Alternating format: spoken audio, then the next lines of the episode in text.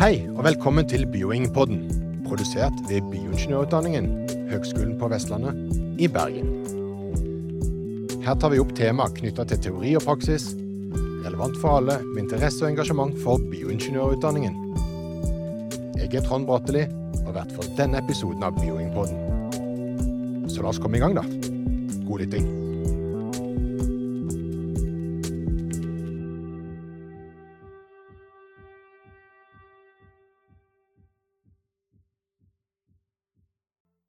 I denne episoden av Bioing-podkasten har vi tatt turen opp til Haukeland universitetssykehus. Vi skal sette fokus på genetisk veiledning. Det er på en måte arv og miljø i praksis. Og eh, vi er så heldige å ha med oss Andrea Fotland Krohn Hansen. Og eh, kan du fortelle litt om deg sjøl? Ja, det kan jeg.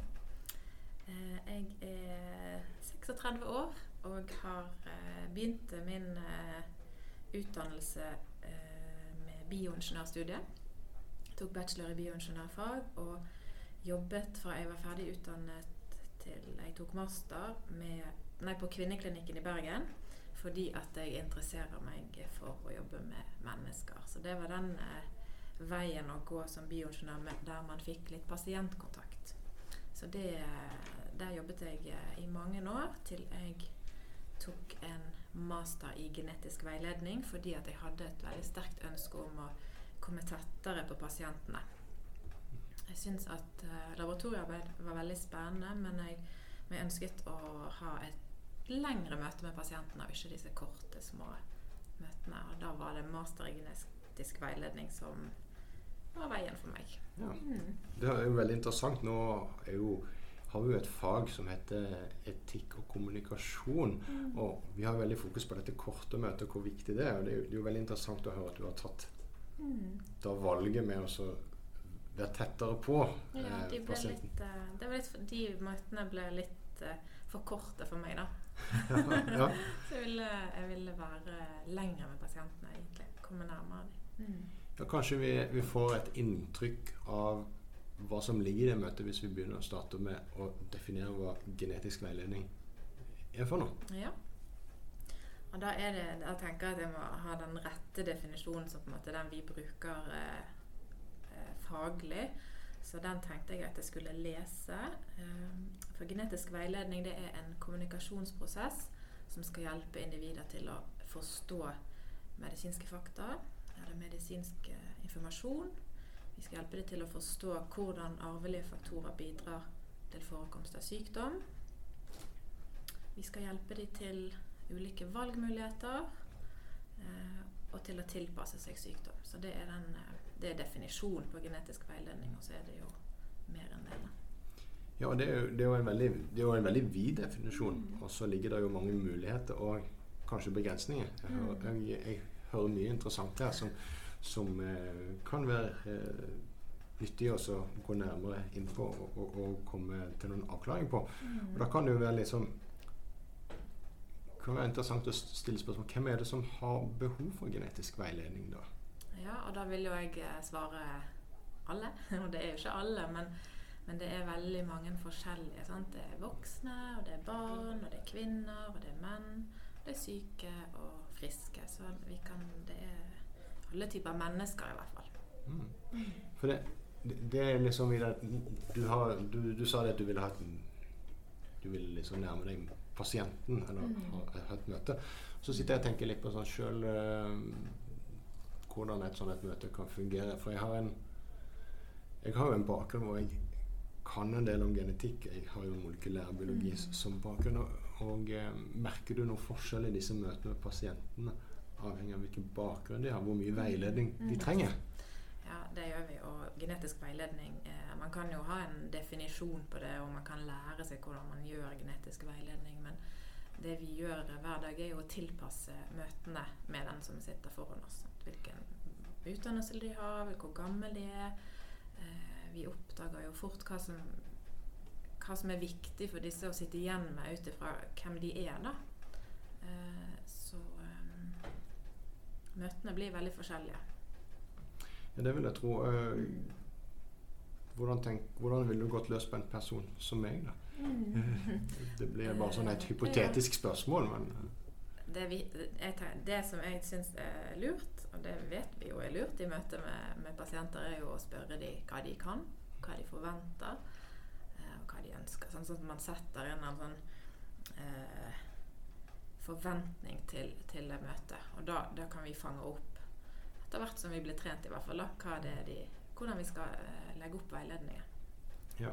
Og det å være veldig uh, høyt utdannet eller kunnskapsrik, det betyr jo ikke nødvendigvis at de skal få en vanskeligere veiledning, men, men de, de forstår det kanskje De har et annet utgangspunkt kanskje for å forstå akkurat uh, ja, en del av veiledningen. Da. Mm. Kan det være at de en, altså, Det er jo en frivillig sak om man Mm. vil ha genetisk veiledning Det er det. eller ikke. Mm. Uh, Eller til, de, ja, det er ikke helt rett. er det ikke det? Eller det er jo alltid frivillig å ha genetisk veiledning, men hvis man skal ha en gentest, så reguleres jo det sant, av loven at man må ha genetisk veiledning hvis man er frisk og skal ta en gentest. En prediktiv gentest. Testing av friske personer eh, på sykdomsgivende genfeil. Sant? Så det jo, selve veiledningen er jo, er jo frivillig, men det er klart at uh, vil man ha gentest, så må man også ha en veiledning. Ja, nå begynner du å trykke på noen sånne knapper som gjør at uh, det åpner seg noen nye spørsmål. Her, Ikke sant? For, nå, nå, for eh, hvis man er nå, nå går jeg litt inn i, i en sånn klinisk situasjon. da, Hvis man er til utredning Ja.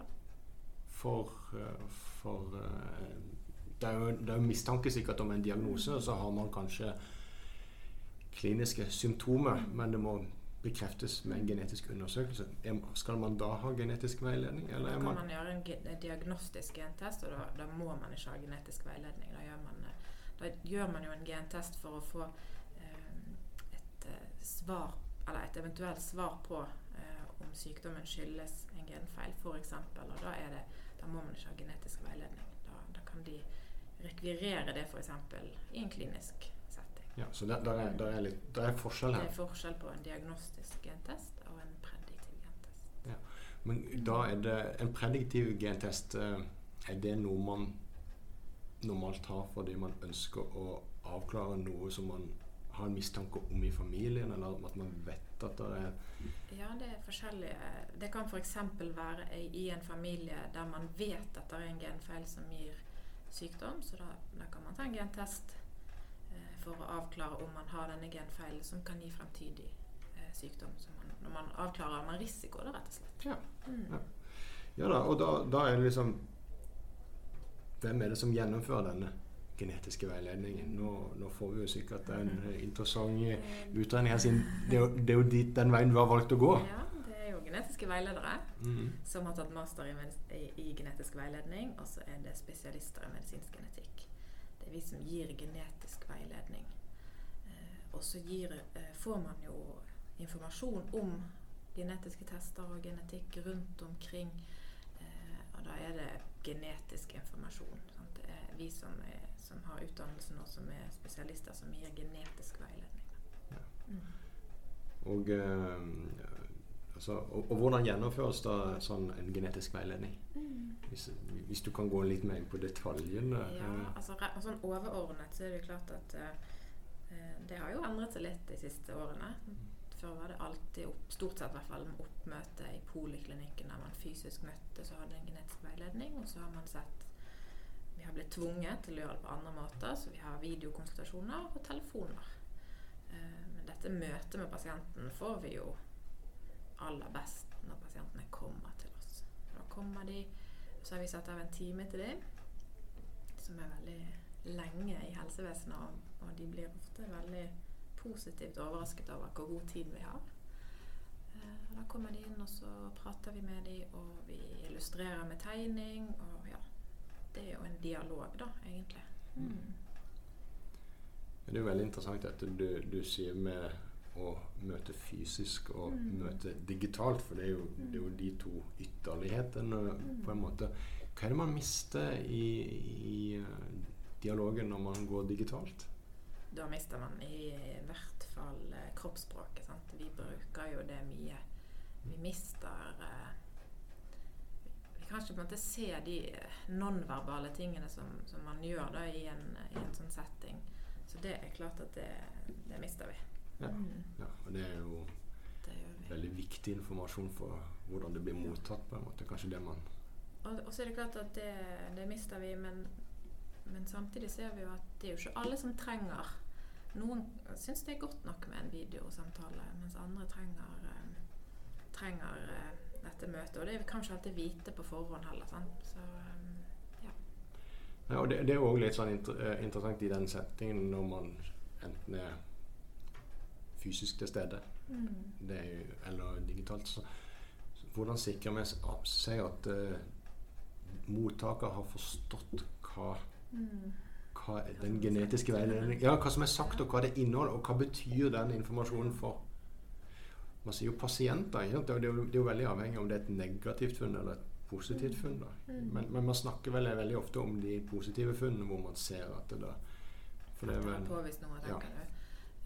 Vi har jo mange veiledninger der vi eh, Veiledning er jo som oftest før vi har funnet noe. Sant? Enten at vi vet at det er en genfeil som de har en risiko for å arve, eller de har en sykdom som gjør at vi tenker at de kanskje kan ha en, en genfeil. Um, det var ikke det du spurte om. Men eh, hvordan vi sikrer oss at de forstår det kroppsspråk eh, først og fremst. Man kan se hvis eh, den foran deg absolutt ikke Ja. har fått med seg hva du har sagt. Og så er det klart vi tegner en del. Og da kan vi òg fange opp om det, de, det, det som jeg sier eller tegner, om de forstår det. For de kommer kanskje med et spørsmål som gjør at jeg skjønner at de ikke forsto. Um, ja. Det, men kroppsspråk er klart det det, det, er det aller, aller viktigste. Og så får de skriftlig informasjon. Så de kan ta frem igjen etterpå hvis de ikke husker alt som ble sagt. Eller. Mm. Ja, og så, og så skjønner jeg jo at det, hver konsultasjon er unik Mm. på en måte. De kommer inn med, med, med sin historie. Mm. Uh, og, og um, det gjør jo at hver eh, at det er de ulike situasjoner du møter, men, men de har kanskje noen fellestrekk. Eh, noen av disse situasjonene Nå skal vel kanskje ikke dere anbefale gen, å ta en test eller ikke ta en test, men Mm. er det noen situasjoner der dere vil helle mot å anbefale eller å fraråde? Ja, vi skal jo være non-direktive. Vi skal ikke si hva de skal gjøre, selv om de spør oss hva ville du gjort. Um, men det er klart at når vi, vi vet at hvis pasienten har en genfeil som, gi, som gir ris høy risiko for sykdom, og de ikke ønsker gentest, så er det klart at da, da er det vanskelig å uh, ikke si at syns du bør teste deg. Sant? Men man kan jo si det Man trenger ikke å si at 'jeg syns du bør teste deg', men man kan jo bruke andre ord, sånn at de forstår veldig godt at uh, det er den klare anbefalingen, da. Mm. Um, og så er det klart at syke pasienter som er i et behandlingsforløp, f.eks., da passer det kanskje ikke så godt. Uh, for de har nok med det de står i. Så kan man vente med genetisk veiledning eller genetisk testing. Eller, ja, kanskje veiledningen det blir for, kanskje for mye informasjon for noen. da. Ja, og, og, og der, da um, blir det liksom en oppfølging til dette. Har du noen gang opplevd at det har anbefalt å droppe det pga. at det er en sånn situasjon at du tenker det blir for mye for pasienten? Jeg tenker at eh, kanskje ikke droppe, men å vente. Sant? Og noen Ja. ganger er det ikke sikkert at gentesten har konsekvenser for de akkurat der og da. Sant? Og da spiller det ingen rolle om det er tre måneder til, eller om det ja. så, Men eh, der du har konsekvenser for behandling, men da kan jo det igjen be, be, bestilles fra behandler. Sant? De gjerne ikke på veiledningen først. Sant? Nei. Eh, Det kommer i ettertid når når du er inne. ja, noen eh, av de som gentester seg, og der er funn, de kommer jo til samtale etterpå til oss. Mm. Da har de blitt testet på, på, fra en avdeling, og så kommer de til oss for svarsamtale og genetisk veiledning. Ja, er, hva er forskjellen, eller hvor stor er forskjellen på den første samtalen før en test og samtalen etter en test? Og det kommer helt an på hva problemstillingen er. Um, og hva person det er foran deg. Sant? Noen har jo et veldig sånn, sterkt behov for å vite for avklaring, mens andre er uh, usikre på om det å vite vil være bedre for dem. Um, så det, det kommer helt an på, på uh, hva problemstillingen er. Ja. Mm. Dette var del én av genetisk veiledning. Gå inn og hør på den neste også, hvor Andrea snakker om hvilke etiske dilemmaer man kan stå i når man driver med genetisk veiledning. Takk for at du har tatt deg tid til å lytte til denne episoden av Bioingpodden. Vær oppdatert og få med deg nye episoder etter hvert som de publiseres. Bioingpodden, en podkast fra Høgskolen på Vestlandet for alle med interesse og engasjement for bioingeniørutdanningen. Vi.